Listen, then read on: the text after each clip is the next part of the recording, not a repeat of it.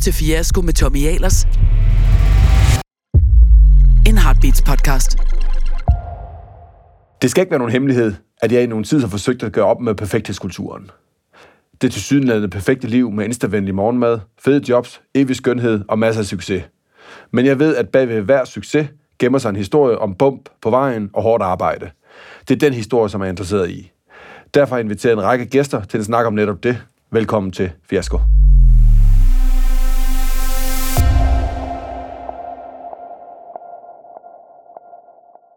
Og velkommen til Andreas Mogensen. Tak. Tak fordi du vil komme. Jamen selvfølgelig, det er en fornøjelse. Altså, man, man tænker jo sådan, at man skal invitere Danmarks første og stadigvæk eneste astronaut i studiet til at tale om fiasko. så tænker man, det, det, det håber man bare, du har sagt nej til det. Ikke? fordi hvad, hvad vil i, i, i verden vil du her og tale om det? Men, det, men forhåbentlig er der noget, fordi altså, det, det, som jeg gerne vil have frem i, i de her udsendelser, er jo lidt en forestillelse af den snak, vi har haft en gang. Ja. Fordi du var med, dengang jeg var minister, der lancerede en kampagne omkring øh, øh, Del din fejl. Mm-hmm. Og der delte du faktisk øh, en den gang. Det skal vi ikke snakke om, snakke om i dag, men at hvis du havde lavet den fejl i rummet, så var du død. og kostede en masse milliarder eller et eller andet. Øh, så, så derfor var vi egentlig. Men det er jo egentlig en forestillelse af det, at så bore lidt mere i det. Hvad er det egentlig, som gør, at man opnår noget succes, og netop prøver at trække nogen frem, og derfor er det fantastisk, at du stillede op, som i offentligheden bare er set som nogle rollemodeller. Du tager selv rundt på skoler og snakker om øh, din øh, rumkarriere, er Danmarks første og, øh, og indtil videre eneste astronaut, at så er du set som en succes, men der ligger selvfølgelig en masse mellemregninger, og dem er man bare ikke god til at tale om, for de er ikke sjove. Pressen gider det ikke. Pressen, det er liv og død. Så enten din totale fiasko, eller den store succes, og alt det, der ligger imellem der, det er uinteressant. Og det gør bare, at folk har svært ved at spejle sig i det, fordi man jo ved godt med sig selv, at man har alle mulige usikkerheder og laver en masse fejl. Så det er det, jeg gerne vil sådan have frem og bruge, øh, bruge den her podcast på at tale om. Så tusind tak, fordi du stiller op. Ja, selvfølgelig, for jeg synes også, at øh, altså ofte i medierne, ikke, så bliver det den simple historie, der er fortalt, ikke? og ikke øh, alt det her, de komplekse nuancer, som jo virkeligheden er. Ja, men har det også været sådan, fordi når, når man så kigger på, på altså, så vi tager bare du er en succes, Danmark første øh, astronaut, og øh, der har helt sikkert også været nogle, øh, nogle mellemregninger. Og jeg har jo den der med, jeg tror ikke, nogen får succes, det er uanset om man vil skabe noget nyt eller gøre noget ekstraordinært, uden netop at lave det der tusindvis af fejl.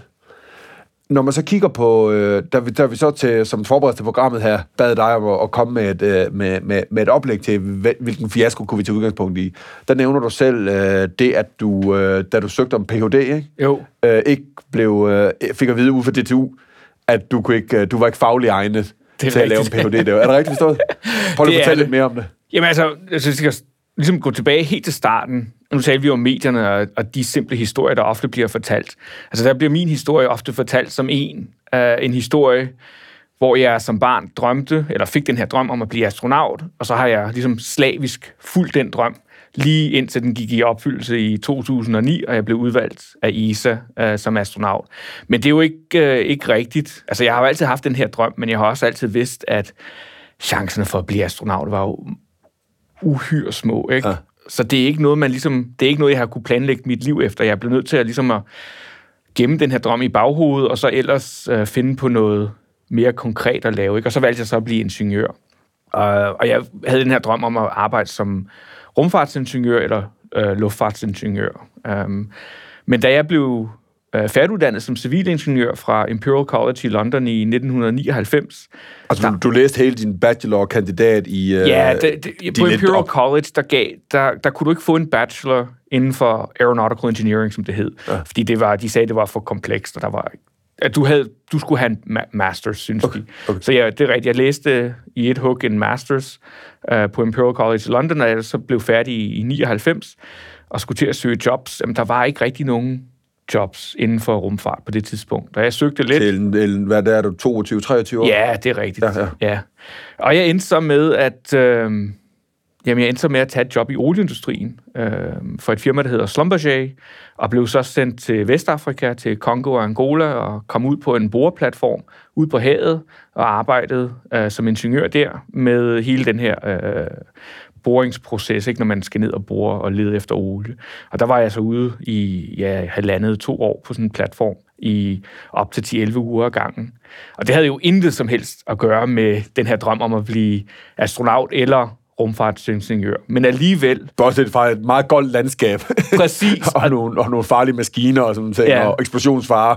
Præcis, og det faktisk tror jeg ikke, jeg nogensinde ville være valgt som astronaut, havde jeg ikke haft den her erfaring. Fordi som astronaut, så skal du også have, ud over din akademiske uddannelse, så skal du også have noget praktisk erfaring. Ja fra feltarbejde i Afrika, kan det være, det kan være til, hvis du som forsker for eksempel har overvintret nede på Antarktis, eller hvis du for eksempel har været i militæret også, eller har været brandmand, eller så videre, så videre, så videre. Du skal have noget praktisk erfaring. Og det praktiske må gerne have en, en lidt ekstrem karakter, eller hvad? Ja, fordi det er jo også ekstremt at bo ombord på rumstationen. Ja, det, altså, det er jo ikke alene din arbejdsplads, men det er også dit hjem i op til, ja, nogen, i nogle tilfælde op til et år gang. Ja, ikke? Så det kan jo være udfordrende på den måde. Så at have vist, at du godt kan håndtere sådan nogle øh, udfordringer og arbejde meget praktisk, meget operationelt, er utrolig vigtigt, øh, hvis du søger ind som astronaut. Ja. Så havde jeg ikke fået det job, øh, var jeg ikke blevet valgt som astronaut. Det er jeg sikker på. Men det alligevel var det ikke din plan? Præcis, det var aldrig min plan. Nej, jeg anede ikke på det tidspunkt. Jeg tænkte bare, at det her det er et interessant job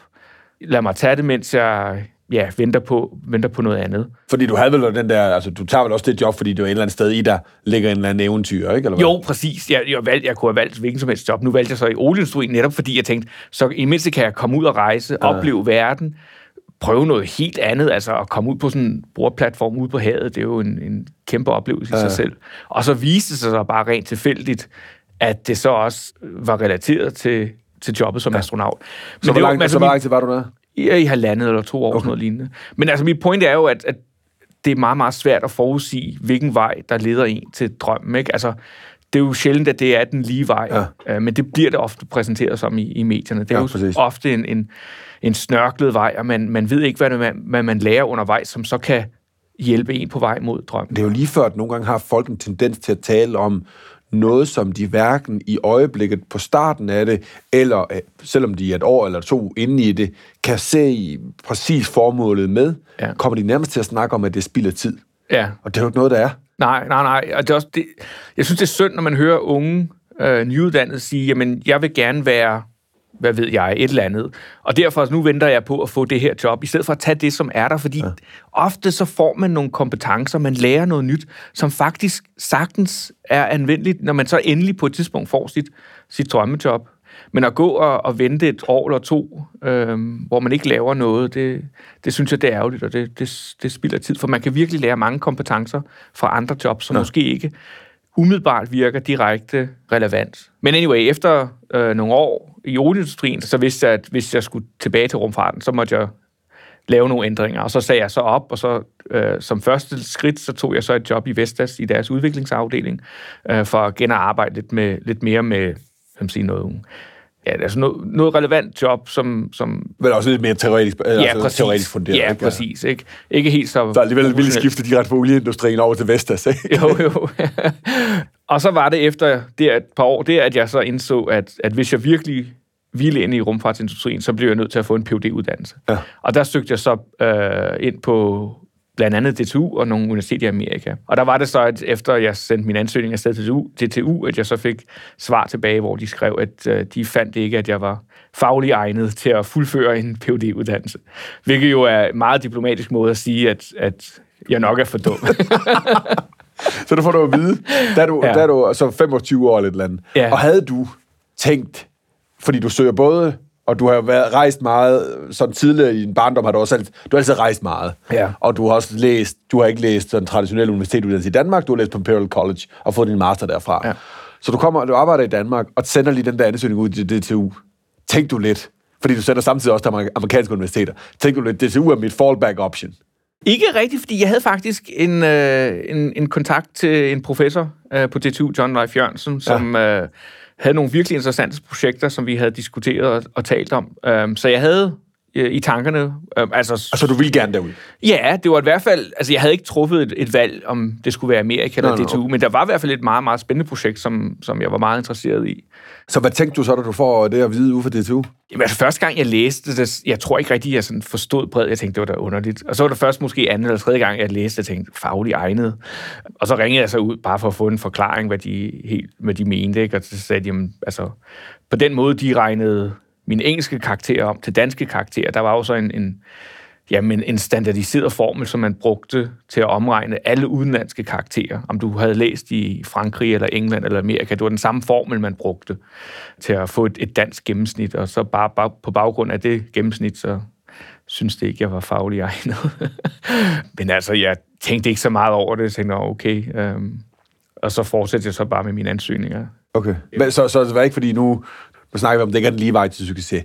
Men når man kigger på dit, øh, dit CV og er astronaut i dag, så kan man også godt lidt tænke sådan, har du oplevet de store, altså har du oplevet de der, hvor du sådan fejler? Jeg prøvede sådan at gå på røven med en virksomhed, som tænkte, stå og sige til alle mennesker, nu skal I se, det her bliver helt genialt. og så ni måneder senere sige, jeg tabte jeres penge, ikke? Altså, tog du den dengang som et, sådan et, et nederlag, en fiasko, eller, eller var det en trædesten til at sige, nu var den dør lukket, og så er der bare nogle andre, der, der åbne i stedet for, eller kan du huske det? Hvordan du egentlig tog det sådan personligt? Jamen, øh, jeg havde jo heldigvis de her andre muligheder i Amerika, øh, så jeg tog det, jeg, jeg tog det ikke så hårdt, det gjorde ja. jeg ikke. Og jeg, jeg ved ikke hvorfor, men jeg, altså, jeg tænkte, det kan ikke være rigtigt, at jeg ikke er faglig egnet. tænkte nok, what? men, kom, um, men kom der da lidt den energi i det, sådan, at nu skal, øh, kom det lidt den der med, nu skal jeg vise jer? Ja, men altså, altså igen, jeg havde ikke nogen problemer med at, at komme ind i Amerika, så ja. jeg tænkte, det var, der var have været en eller anden misforståelse, eller ja. jeg ved det ikke. Jeg, okay. jeg tænkte ikke så meget over det. Nå, sjovt. Det skal vi nok komme tilbage til, det med karakter. Man kan være som tidligere uddannelse og der var der også en, jeg tit endte i, det der med karakter og perfekthedskultur og sådan ting. Men lad os lige lade den uh, ligge. Jeg kunne godt tænke mig sådan, så der spørge lidt mere ind til sådan, Altså, er der nogle andre steder, hvor, hvor du sådan mere sådan personligt egentlig har oplevet, at, øh, at, at her var der et eller andet, du virkelig gerne ville, som ikke lykkedes? Eller et eller andet, du havde sådan meldt ud og, og sagde, nu skal I bare se, altså det kan være, du skulle have været i rummet som 35-årig og endte med at blive øh, 38 eller et eller andet, eller 39 år, før du kom derop. Eller, altså, har der været nogle andre ting, hvor du sådan tænkt, ah, øh, nu øh, her, der, der, det, det, det lykkedes ikke for mig? Nej, jeg ved det ikke. Altså, jeg har altid haft jeg det ved jeg ikke, jeg har måske altid bare været sådan positivt anlagt eller optimist på den måde, at, at hvis jeg ikke har haft mulighed for ligesom her at komme ind på DTU, jamen, så har jeg ikke spekuleret så meget over det, så har jeg bare fortsat og, og fundet noget andet. Ja. Um, for det er jo, ja, og det er jo også en tilgang til det, ikke? Der var nogen, der vi begyndte at lave den der, som du så meldte positivt tilbage på, den der del i en fejlkampagne, da jeg var minister der var det nogen, der lavede den kommentar om at sige, ikke nok med, at vi skal være helt perfekte, nu skal jeg også finde den perfekte fejl, som er god at tale om et eller andet. Ikke? Jo. Og det er jo ikke det, der, det er jo ikke det, der er målet med det. Men, men alligevel, hvis jeg nu går tilbage til den der, som lidt af præmissen for, for, for den her podcast med, at når man opnår noget ekstraordinært, så er det ofte en, et resultat af tusindvis af fejl. Mm-hmm. Altså, og lidt helt tilbage til Edison, der vist nok har sagt en gang, at en ekspert er en, der har fejlet tusind gange inden for snævert defineret område. Ikke? Jo hvis man så taler lidt mere i den, hvor det ikke er sådan en, en podcast- eller tv-venlig kæmpe fiasko, som er sådan eklatant, at er udsagn rigtig nok? Altså, kan du pege tilbage på, på din karriere, hvor du har, har troet noget var på en bestemt måde, og så viser sig ikke at være det, men din tilgang til det var bare, at det var op på hesten igen og videre og sådan ting, og det så har givet dig en masse viden. Er det, er det udsagnen rigtigt nok? Ja, det synes jeg da. Om det har været at søge ind på universitetet, eller om det har været at søge jobs. Altså, der er selvfølgelig nogle jobannoncer, jeg har, har søgt, hvor jeg tænkte, det ville da være et perfekt job for mig, ikke? Og så øh, er jeg ikke engang blevet inviteret til, til interview og sådan noget, ikke? Men altså, det er jo, man må bare forstå, at, at alting lykkes ikke. Altså, det er jo sige, en, en anden måde at tænke på det også, det er, som en af mine professorer engang sagde til mig på, på universitetet, det var, at jo hårdere du arbejder, jo heldig er du også. Ja. Ikke? Altså, det er jo sådan lidt af det samme. Ikke? Altså, jo mere du lægger ind i det, jo mere virker det som om, du altid er heldig. Men det er jo netop på grund af, af forberedelserne, det hårde arbejde. Og selvfølgelig også fejl, ikke? At lære for, for fejl. Så du sidder ikke med en eller anden følelse om, at det, det var meget nemt. Nej, slet ikke. nå, nå, altså det, det er jo bare nogle gange, altså ja. igen, hvis vi tager mediernes billede af, så er der bare nogen, der er over boksen og at være succesfulde, og de er nærmest bare født heldige. Ja. Men, men, men at, at, at vi har nogen, vi gerne vil placere derover, og så, og så dem, der ikke har opnået noget, har en eller anden sådan forklaringsmekanisme omkring det, ikke? Jo. Og så nogle andre. Og det er jo ikke den, altså, det, du, du har også måttet lægge mange timer i det, går ud fra. Ja, ja, ja, altså det er jo, det er overbevist om, at, at succes, altså selvfølgelig, så kræver det også held, men altså, øh, først og fremmest, så er det hårdt arbejde, ikke? Altså, og det er lige meget, om du er astronaut, eller fodboldspiller, eller popstjerne, eller hvad man sige, virksomhedsleder, ikke? Altså, ja. det er hårdt arbejde, der ligger øh, bag succes, fordi du kommer ikke udenom om hårdt arbejde. Nej. Så det er, altså det er jeg jo så overbevist om, ikke? Ja. Altså det uden tvivl. Har, har, har du kun, hvis du så, hvad, hvad har drivkraften i det hårde arbejde været? Har det været et mål? Altså har, har, har det været målet om at blive astronaut, der så har ledt til det hårde arbejde, eller har det været mere diffust det mål? Ej, det har været mere, altså som, som jeg sagde tidligere, så den her drøm om at blive astronaut, det har været mere sådan en, en drøm, jeg har haft i baghovedet, hvor jeg ligesom har forsøgt at holde døren åben til, at jeg en dag kunne søge ind, hvis muligheden opstod. Uh, men ellers så er det jo måske noget så simpelt som bare konkurrence. Ikke? Jeg kan godt lide uh, følelsen af at uh, have gjort et godt arbejde, og følelsen af at have, have bidraget med noget. Og så, så har jeg altid været drevet af konkurrence. Jeg kan godt lide at vinde. Hvor kommer det fra? Jeg ved det ikke. Okay. Jeg aner det ikke. Det er bare... Har du søsken? Ja, det har jeg. Jeg har tre. Så du havde no- nogen, du skulle konkurrere med? Ja, det har jeg altid haft. Ja, ja. Men ellers så... Øhm, altså, udover hår- hårdt arbejde, så, så tror jeg også, succes kommer fra at gribe de chancer, der opstår. Ikke? Og det går lidt tilbage til den her...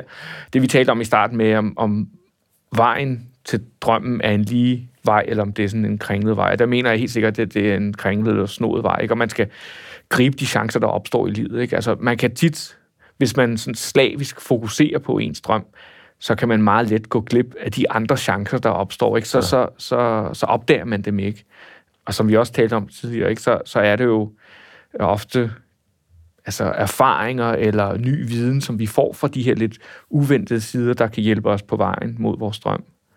Så øh, jeg mener også helt sikkert, at, at man skal holde øjnene åbne og så gribe de chancer, der opstår. Fordi tit så, så opstår der virkelig gode chancer, øh, som man måske bare ikke havde man sige, forestillet sig, at man kunne være interesseret i. Synes du, fordi jeg går ud fra i din, øh, generelt din karriere, har du hele tiden, også fordi du har bevæget dig sådan i, i hjørnerne af forskning og sådan ting, så du har nok generelt også arbejdet med hele tiden nogen, nogen der var i gang med det, altså nogle unge forskere.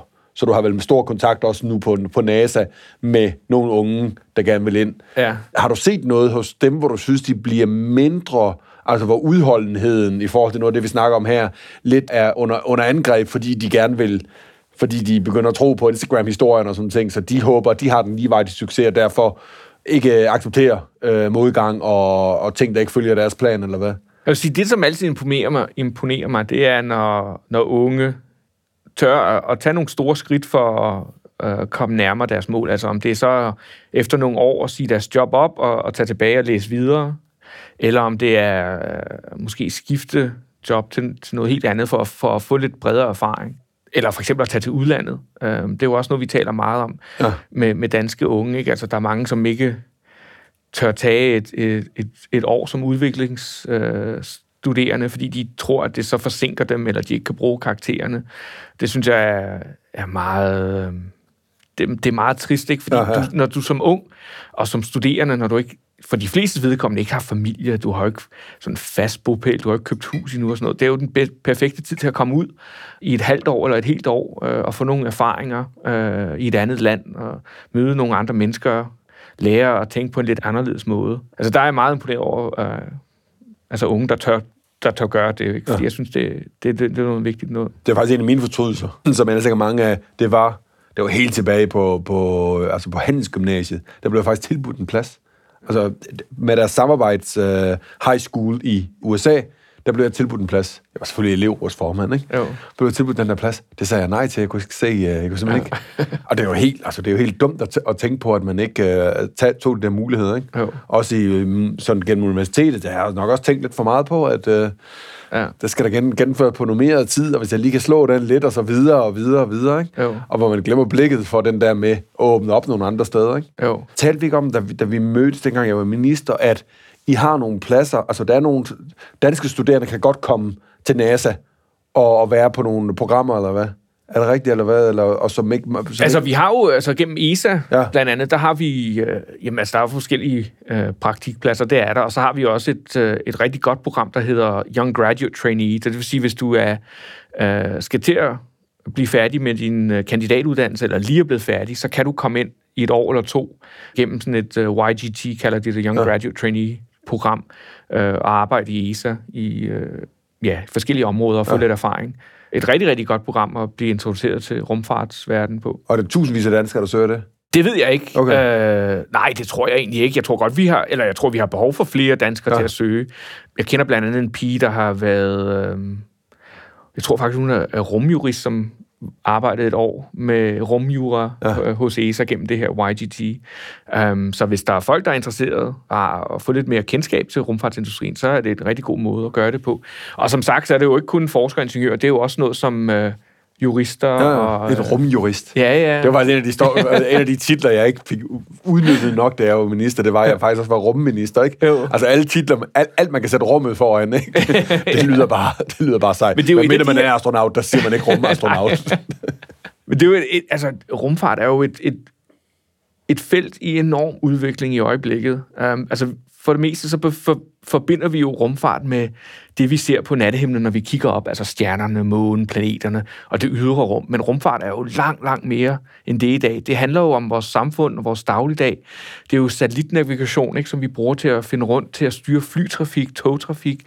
Det er, er altså vores finansielle øh, marked er jo også styret af satellitnavigation, fordi signalet, vi får fra satellitterne, det er jo et, et, et, det mest præcise tidssignal, vi får. Ikke? Så når du øh, handler med, med aktier, for eksempel, ikke, så bliver de jo timestampet med det signal, vi får fra, fra GPS-satellitterne. Ja. Det er jordobservationsdata, øh, som er med til at, at, at gøre det muligt at lave præcisionslandbrug i Danmark. Det er telekommunikation osv. osv., osv. Så øh, rumfartsverden er jo i en, i en kæmpe udvikling i øjeblikket. Og, øh, og, og der kommer jo flere og flere satellitter op. SpaceX taler jo om at sende måske 12.000 satellitter i rummet inden for de næste par år. Så rumjura er jo et, et utroligt vigtigt felt, ikke? Fordi hvem... Hvem har vigepligt? Ja, præcis, ikke? Alle de der satellitter der, når du flyver, Ja. når du flyver ud til... Øh... Og der kommer jo til at ske uheld, ikke? Og hvis to satellitter styrter sammen, ikke? Hvem har så... Ja. Hvad er loven omkring det? Ja, præcis, ja.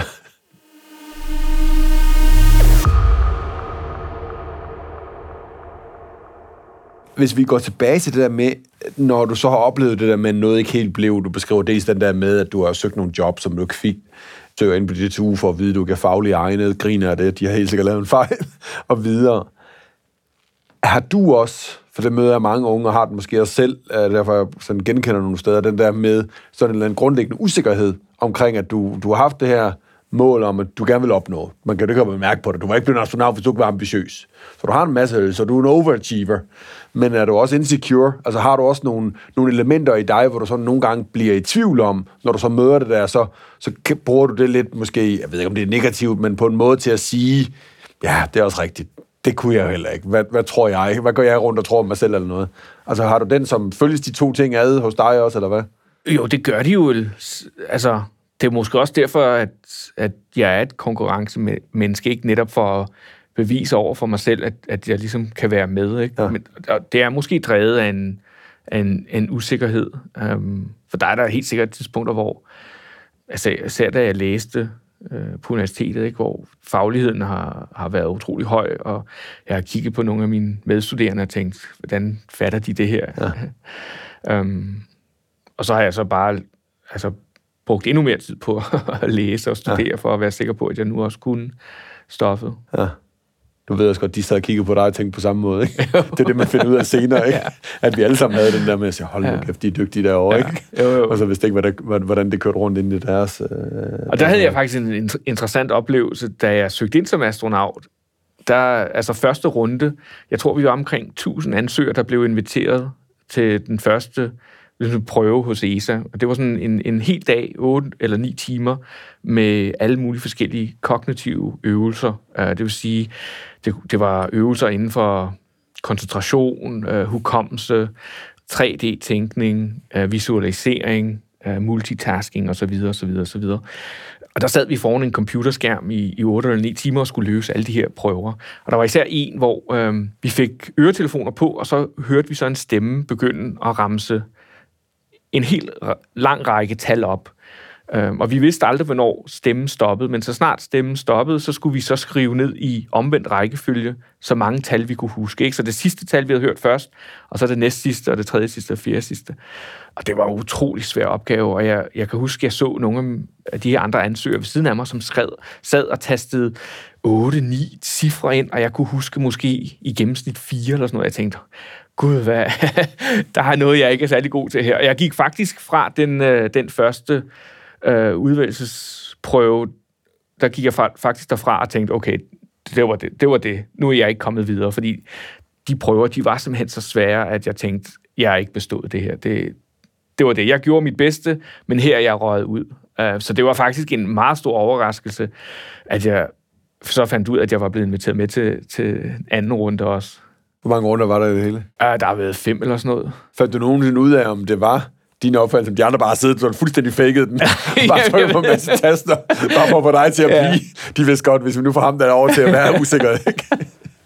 det var, du, du fik aldrig resultaterne. Nej, men jeg har så senere hørt, at, at, at, at altså, i gennemsnit, så kan man huske sådan 3-5 tal. Altså, hvis man er virkelig, virkelig dygtig, så kan man måske huske 6, 7, 8, ikke? Men jeg tror, for de fleste, så er det sådan 4-5, så... Hvis man bare... Og, altså, og, og tal er, er altså enkelt... Øh, ja, 1 til 9, ikke? Ja, ja, ja, ja. ja. Det skal vi prøve en dag. Det tror jeg bare skal være sådan en afslutning på sådan fast format i, de her, i den her podcast. Det skal bare være sådan en, en opremsning af, af, af tal. Når, når du så opnår det, at du kommer igennem nåløjet, og så er på vej derhen og kommer i rummet, oplever du så på det tidspunkt, at du blev mere bange for at fejle?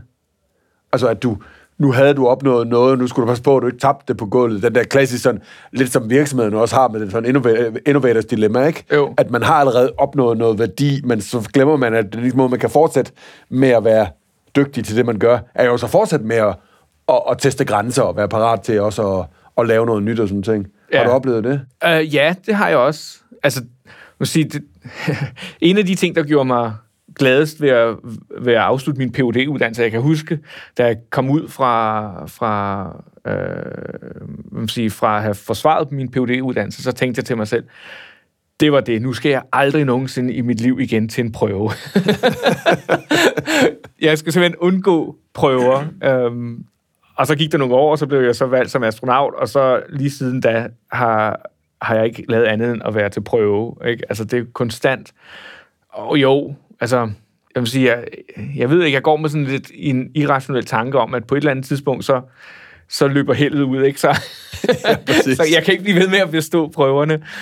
Um, og så også fordi, at, at især når man får at vide, at, at, at nu skal man på mission i rummet, og man skal til at bruge de næste halvandet to år på at, at forberede sig, og så inden man kommer op, så er der jo en, en masse, masse prøver, man skal bestå, men øh, offentligheden har jo fået at vide, at man skal op den af den dato, ikke? Så der, man bliver simpelthen nødt til at bestå. Um, det jeg havde jeg havde ikke så godt. Jeg vågnede med lidt forkølelse, yeah. så jeg kunne ikke den dag. Du har ja, bare fået på nogle gode undskyldninger. Ja, altså det. Så missionen bliver alligevel ikke til noget. ja, præcis. Og ved, ved du egentlig, at du skal, du skal op igen, eller hvad? Altså, der er en... Øh, ja, jeg har fået at vide, at, at, at for, planen som, er, at jeg som, skal Som jeg lovede dig, da jeg var minister, så sørger jeg for en masse penge ja. med den label på, at de får den kun, hvis, øh, ja. hvis du kommer afsted igen. Det var det, vi aftalte dengang, var det ikke? jo.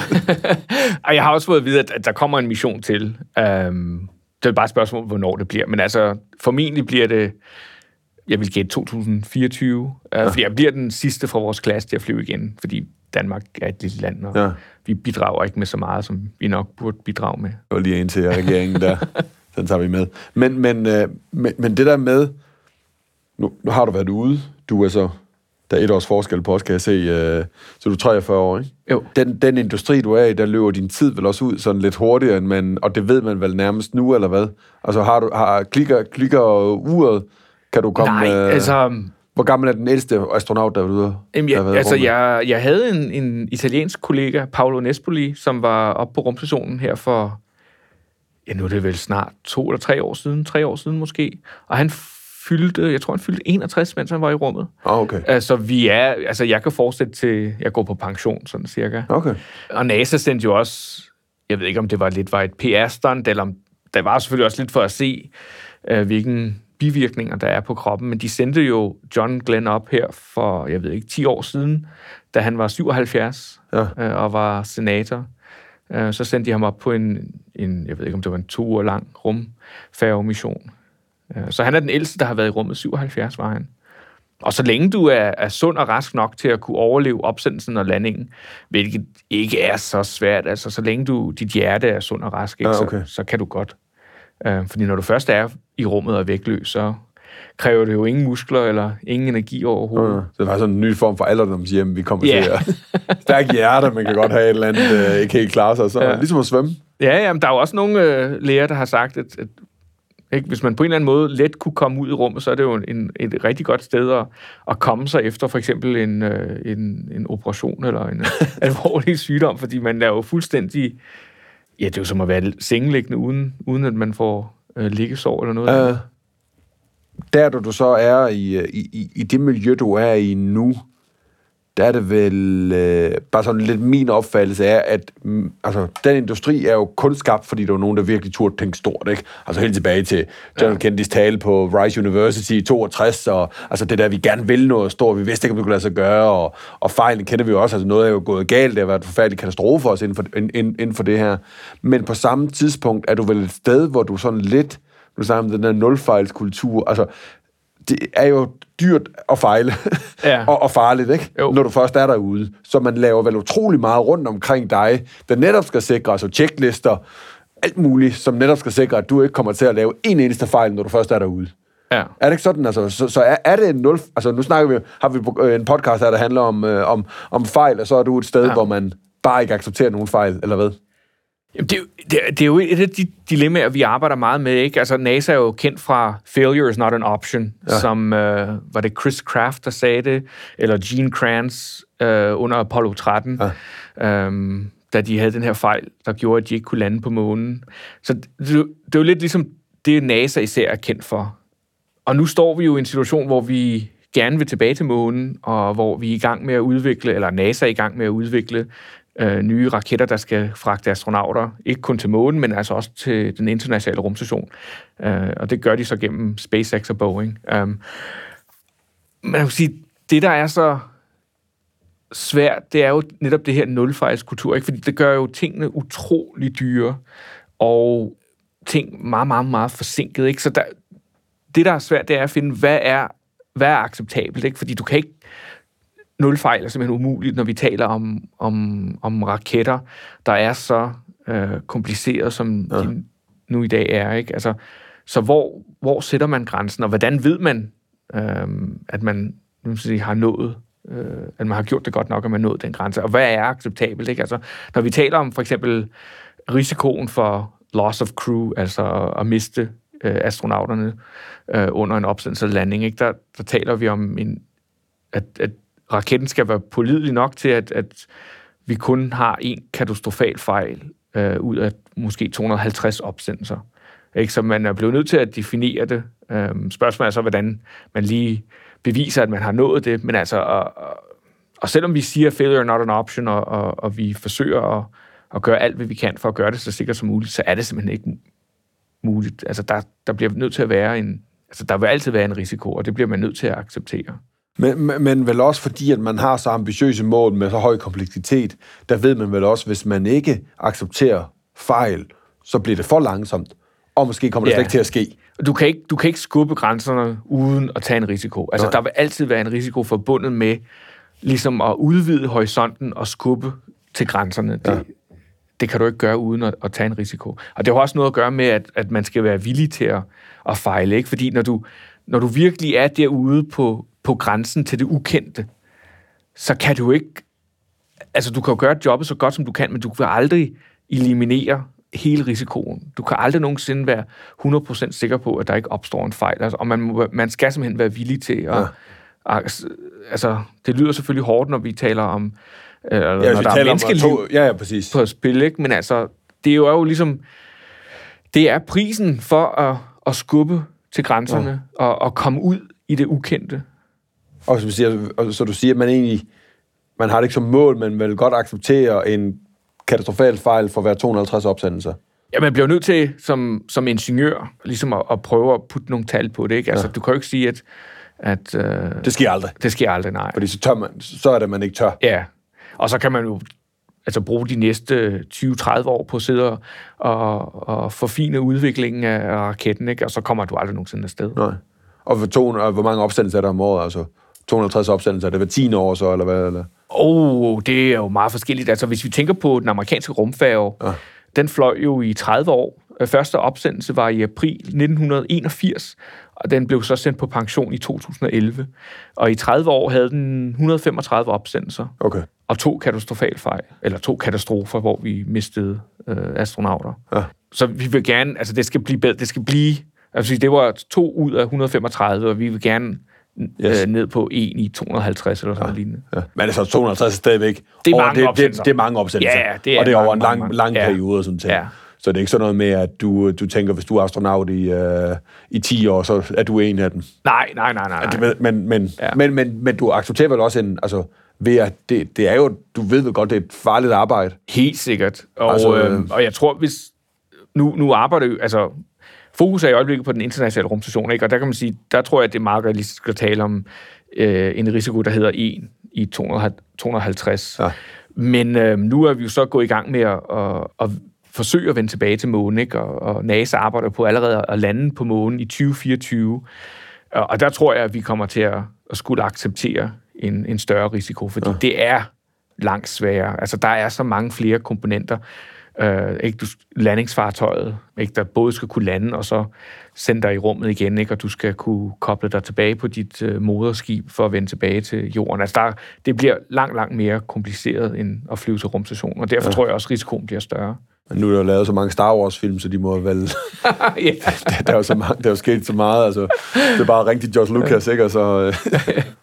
men, men, men, øh, men det er jo ret, fordi det, her bliver det jo helt konkret, ikke? At man siger, vi vil gerne nogle ting, det er nogle ting omkring sådan et univers, vi gerne vil forstå endnu bedre, for vi ved, det er et fundament, det var du også inde på før, for mange af de ting, vi gerne skal forstå her på jorden, ikke? Jo. Og den eneste måde, vi kan komme til det, er også, at der er nogle mennesker, nogle systemer, nogle projekter, hvor man accepterer, at det kan godt være, det går helt går galt. Ja. Og normalt, når vi taler om det, så er det, du ved, mig som iværksætter, så er at en virksomhed går konkurs, men her der snakker vi, snakker vi jo reelt set om, at der er nogen, der ja. Ja. måske øh, dør af det, ikke? Jo. Fordi så farligt er det jo.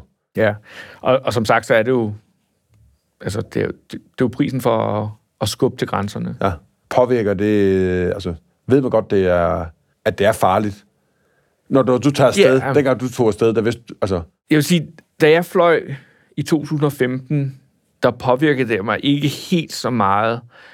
Jeg, tror mest af alt, fordi det var med Soyuz-raketten, som vi jo har over 40 års erfaring med. Altså, ja. den, den blev udviklet i slutningen af, af, af 60'erne. Mm. Den, den havde så også to katastrofale fejl, som tog livet af astronauterne. Men altså, sidste fejl var i 1971, og siden 1971 har, har den virket, uh, Soyuz-raketten, den, den har virket upåklageligt. Altså, altså uden, der har ikke været nogen problemer. Den har været utrolig robust og, og driftsikker. Så på en måde har, jeg, har, har det hjulpet Ja. ja. til, at jeg følte mig, mig sikker på den. Så spørgsmålet bliver, hvis jeg kommer op en gang til, om det, når det så, det bliver formentlig på, på en af de her nye amerikanske raketter, SpaceX og Boeing. Ja. Jeg ved ikke, det måske vil jeg tænke lidt anderledes, ikke? fordi de, de er nye raketter. Det er nogen, hvor vi måske kun har to eller tre års erfaring med. Um, og som alle nye systemer, ikke, så, så vil der være ting, der overrasker os, ting, som vi ikke helt har forstået. Forhåbentlig så har vi man sige, tænkt det godt nok igennem, øh, så vi har øh, hvad man siger, måder at overleve øh, ulykker. Men der kommer til at ske ting, uventede ting. Ikke? ja, ja. Øh, Yes. det tror jeg. Det bliver helt, altså, det der med at være parat til at fejle, bliver jo en helt konkret ja. Ja. ting, når vi, snakker, når vi snakker den her industri.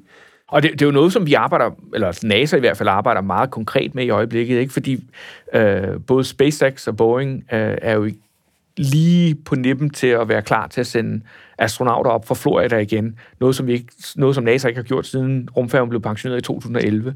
Øh, så det kommer formentlig til at ske på et tidspunkt i år, at vi ser en bemandet SpaceX-opsendelse og en bemandet Boeing-opsendelse. Spørgsmålet er, og det er jo det, som NASA arbejder med i øjeblikket, hvornår, på hvilket tidspunkt siger man, okay, det er godt nok, nu stoler vi på det, nu kan vi sende astronauter op. Der, det, den beslutning skal jo træffes på et eller andet tidspunkt, ikke? Øh, for i øjeblikket er vi jo i gang med at kigge på hele udviklingen og testfasen og al den data, vi har, øh, netop for at, at certificere raketterne og sige, okay, nu er de pålidelige, nu kan vi putte mennesker på dem, ikke? Men den beslutning skal tages på et eller andet tidspunkt, og det er jo netop det her med, hvornår føler vi os sikre nok til at putte mennesker ombord på raketterne. Hvad, er- hvad, hvad er den store sådan inden for rumfarten? Hvad, hvad, hvad er den store sådan drøm nu? Er det måne, en, måne, en ny månelanding? Altså, jeg vil sige, den, den, den helt store drøm, det er at komme til Mars. Ja. Ja. Altså, Mars, det er målet, fordi Mars er rigtig, rigtig spændende. Um, altså, der er meget, der tyder på, at der har været flydende vand på Mars en gang uh, for millioner eller milliarder år tilbage i tiden. Og flydende vand, mener vi jo, er en af betingelserne for liv. Så hvis der har været vand på Mars, har der muligvis også været liv. Uh, altså bakterier, mikroorganismer ja. osv. osv. Muligvis er der stadigvæk vand uh, under øh, overfladen, altså måske sådan nogle underjordiske øh, søer, eller det kan være øh, måske isdepoter, ikke? hvor der måske stadigvæk, hvis der engang har været liv, måske stadigvæk er noget liv, der kan overleve her under overfladen. Øhm, så Mars er helt sikkert, det er målet. Spørgsmålet er bare, hvordan vi vender eller kommer til Mars. Ikke? Og der, i øjeblikket, der, der mener de fleste, at vi burde tage til månen først for at få lidt mere erfaring, øh, for at få lidt mere viden og udvikle noget teknologi, der er lidt mere robust, som skal gøre det muligt at rejse til Mars. Ikke? Fordi sådan en mission til Mars kommer til at tage mellem to og et halvt og tre år. Um, og der, Tur og tur, eller derude? Ja, tur, tur, Tur, tur, tur. tur. Ikke? Det tager cirka 6-8 måneder at, at rejse til Mars. Så skal man så vente på Mars i godt og vel halvandet år, men, men, mens Mars og Jorden bevæger sig ind i en rigtig position, inden man så kan rejse de 6-8 måneder tilbage igen. Så alt Så der alt, skal man stå og brokke sig over en forsinkelse hos uh, Nej. DSB, ikke? Så står du bare derude og venter halvandet år på, at...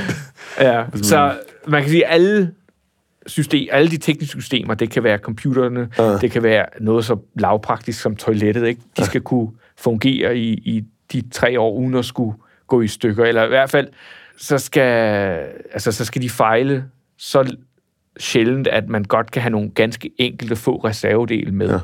Ja. Um, altså om, i dag ombord på rumstationen, der ting bliver udskiftet øh, alt for ofte til, at vi kunne, kunne bruge det til at flyve til, til Mars med. Okay. Altså vi skulle have sådan to-tre backup rumskibe ja. ja. med, med, fyldt med reservedele næsten. Så derfor så, så bliver, hvad man siger, som første skridt, så vender vi tilbage formentlig til månen for at udforske månen noget mere. Altså, vi har jo næsten ikke udforsket månen. Vi har, har, har landet nogle, nogle ganske få steder. Øhm, vi har aldrig landet på, på bagsiden af månen. Vi har aldrig landet på Sydpolen, øh, hvor vi netop mener, at der er, er, er, er is, for eksempel. Øhm, så der er masser stadigvæk at udforske på månen. Men så vil vi så også bruge det til at, at blive lidt klogere og udvikle noget, noget bedre teknologi, som så skal hjælpe os på vej til Mars en dag. Så er det 10 eller 20 år realistisk øh, horisont for at lande på Ma- Mars. Det er jo svært at sige, ikke? Altså, hvis det står til, til ESA og NASA, så bliver det jo først allertidligst, vil jeg sige, i 2030'erne, måske ja. 2040'erne. Ja. Men øh, der er jo nogle wildcards, blandt andet Elon Musk og Ja, SpaceX, præcis, ja, ikke? Som, hans, hans mål er jo netop, altså grund til, at han startede SpaceX, det er jo netop for at komme til Mars, ikke? Ja. Og han er jo i gang med at udvikle hans, øh, sådan en ny kæmpe, kæmpe raket, han kalder Starship eller sådan noget lignende, ikke? Som, som er lavet ud af stål. Øhm, så hvem ved, måske om fem år, måske om ti år, står han pludselig med en raket, der kan sende mennesker til Mars, ikke? og så, så, så sker det meget hurtigere, end vi havde regnet med. Men den eneste måde, vi nogensinde kommer der, er, at de fortsat med i de systemer, selvom der er mange penge på spil, også liv på spil, er parat til at løbe en risiko.